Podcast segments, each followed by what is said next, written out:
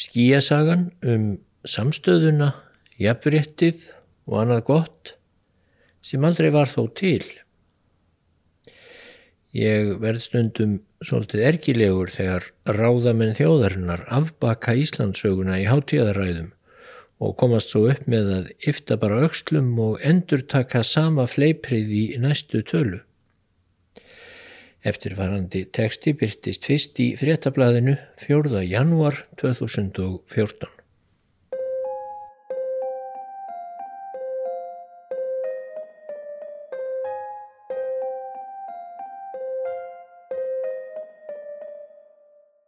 skíasögu datt mér í huga að kalla þær ræður eða greinar þar sem höfundur byggir á sögu fortíðar til að koma sín sinni áleiðis en reynist við nánari aðtún fara meir og minna með fleipur og orðið er myndað með vísan til þeirra skíja borga sem sumir menn neyjast til að reysa sér um framtíðina en ekki virðist heldur neitin fótur fyrir þegar aður gáð.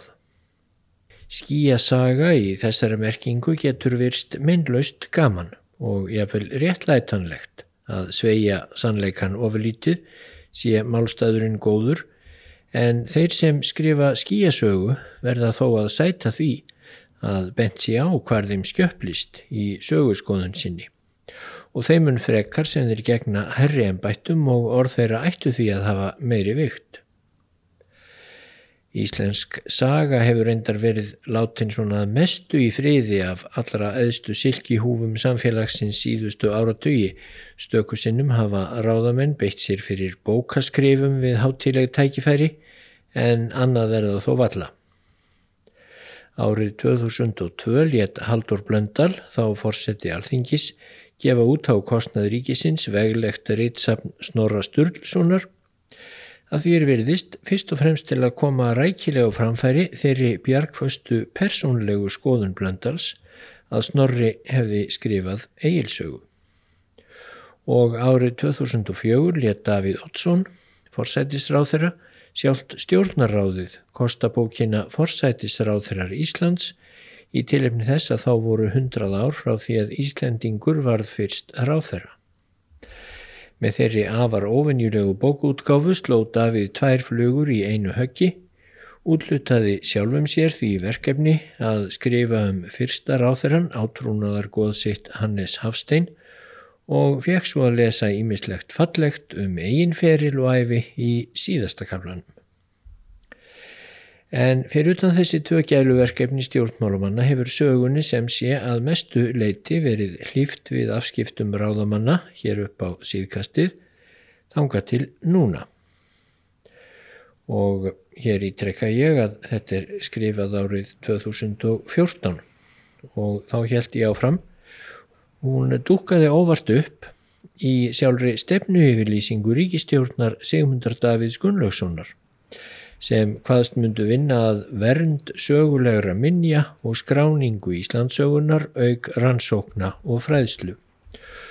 Og ríkistjórnin mun vinna því að auka virðingu fyrir merkri sögulandsins, menningu þess og tungumálinu innan lands sem utan.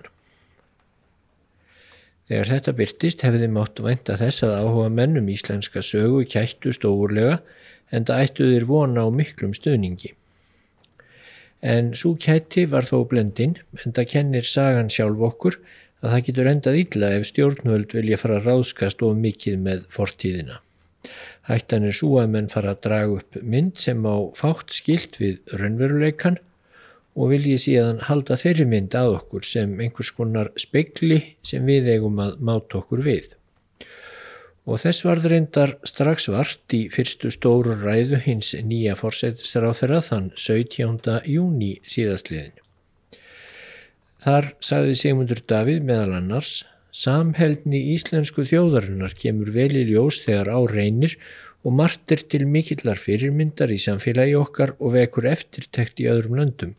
Vegna sögu þjóðarinnar þólum við íla órétt. Sigurður Nordal vittnar í bóksinni Íslensk menning í gamalli frakneskri heimild er sagt að einu sinni hafi sendimaður verið gerður á fund vikinga er lágu við land þar siðra með mikinn flota. Hann spurði um höfðingja liðsins, honum var svarað við erum allir jafnir. Íslendingar, afkomendur þessara vikinga, hafa löngum verið sjálfstæðir í hugsun og þólað illa yfirvald hvað þá kúun. Svo mörg voru þau orð Sigmundar Davids þar sem hann vittnaði til Sigurdar Nordals.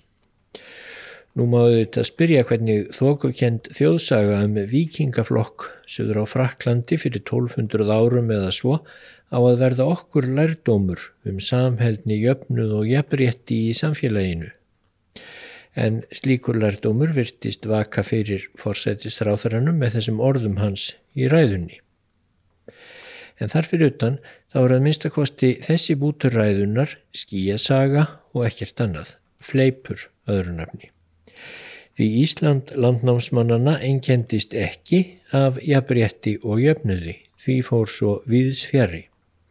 Það viðurkendi meira segja Jónas frá Hriblu reynskilinislega en í frægri Íslandsögu sinni fyrir börn sem hann skrifaði fyrir réttum hundrað árum lagðan sig þó fram um að draga upp eins fallega mynd af landnáminu og þjóðveldinu íslenska og hann mögulega gatt. Sigmundur Davíð hefur eins og kunnugt er yðurlega vísað beint eða óbeint til Hriblu Jónasar þegar hann fjallar um menningu þjóðarinnar en virðist þó ekki hafa lesið eftirfarandi kabla úr Íslandsögu handa börnum eftir Jónas sem kom út fyrst árið 1915 Undir eins á landnámsöldinni greindist þjóðin á Íslandi í ýmsar stjettir eftir efnum og ætterni en skörpust var merkjalínan milli frjálsara manna og ófrjálsara, þrælanna. Ánauðu að fólkið var eiginlega ekki talið með mönnum, það var eign frjálsumannana eins og dýr eða hlutir en jafnvel innbyrðis meðal frjálsa fólksins var stjettarmunurinn greinilegur. Það var langur vegur eftir virðingarstíganum frá kongum og drottningum eða stórríkum höldum og vikingum eins og germundi heljarskinn, auði djúpúðgu, yngimundi gamla eða skallagrými, niður að kotbóndanum, vinnumanninum eða beiningamanninum. Stórbændurnir fundu til yfirbörða og máttar og letu það tíðum koma fram í viðskiptum við smæringjana og stránglega var þess gætt að efna fólk og fátæklingar mægðust ekki. Heldur þótti lítið koma til allara þeirra bænda sem voru leiguliðar eða unnu hjá öðrum, þóttir ættu skíli yfir höfuðið. Og ekki var æfið þrælana góð, þeim voru ætluð verstu og óþrýfalegustu verkin og veittur lakastur aðbúnaður í mat, glæðnaði og allri aðlýningu. Sjaldan var vikið að þeim með velvild.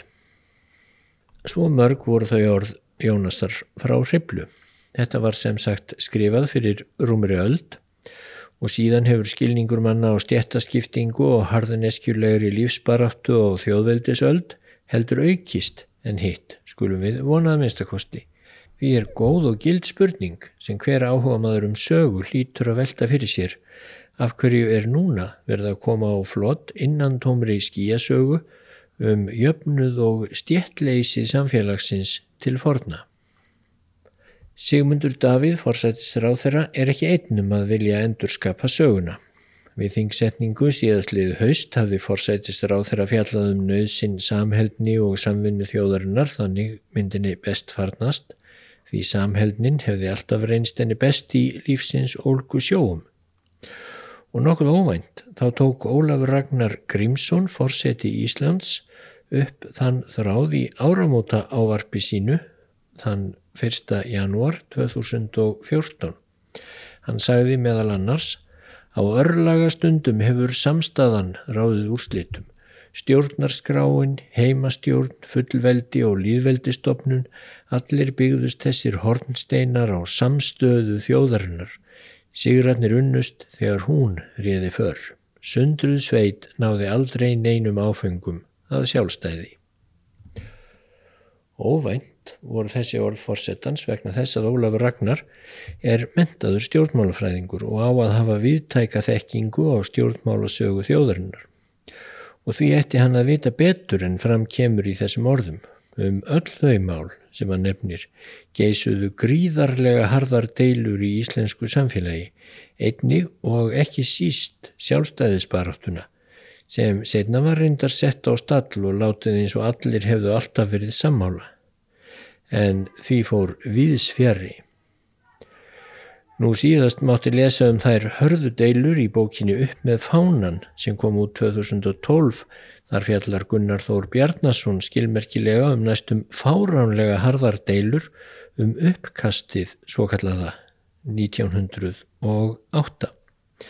En uppkastið var tillaga Dana að því hvernig formlega skildi háttað samskiptum Íslendinga og Dana. Mörgum þótti Danir gefa þar eftir en aðrir voru aldeilis ekki á því og um þetta var deilt óurlega hart. Og margóft hefur líka verið sínt fram á að svo mikla samstaða sem á að hafa ríkt um stjórnarskrána við líðveldistofnun 1944 er ekki annað en þjóðsaga. Strax og Sigmundur Davíð fór með samstöðu þulu sína við þingsetninguna í haust sem leið þá reysu sagfræðingar og aðrir fræðimenn upp á afturfæturna og mótmæltu. Um þau mál sem hann nefndi hefði aldrei ríkt neyn samstaða með Íslendingum. Samt endur tekur svo fróður maður sem Ólaf Ragnar Grímsson þá þölunari orð rétti í áramóta áarpi sínu eitthvað um þremur mánuðum setna eins og hann sé lærisveitnin sem hafi uppgötvað ný sannindi þegar meistarinn talaði. Því ég ítrekka að Ólaf Ragnar hlýtur að hafa lesið marg oft um allar þessar hörðu deilur og hinn algjöra skorta á samstöðu í öllum helstu málum. Ég hlýti eins og allir áhuga mennum sögu að fagna auknum áhuga á að saga okkar sé skráð og varðveitt en minni þá á orð valdsherrana sjálfra úr stjórnarsáttmálanum að unnið skuli að því að auka virðingu fyrir henni merku sögu okkar. En það verður ekki gert með því að valdsherrarnir sjálfur afbaki hana í hátíðaræðum sínum og geri að skýja sögu einn tómri.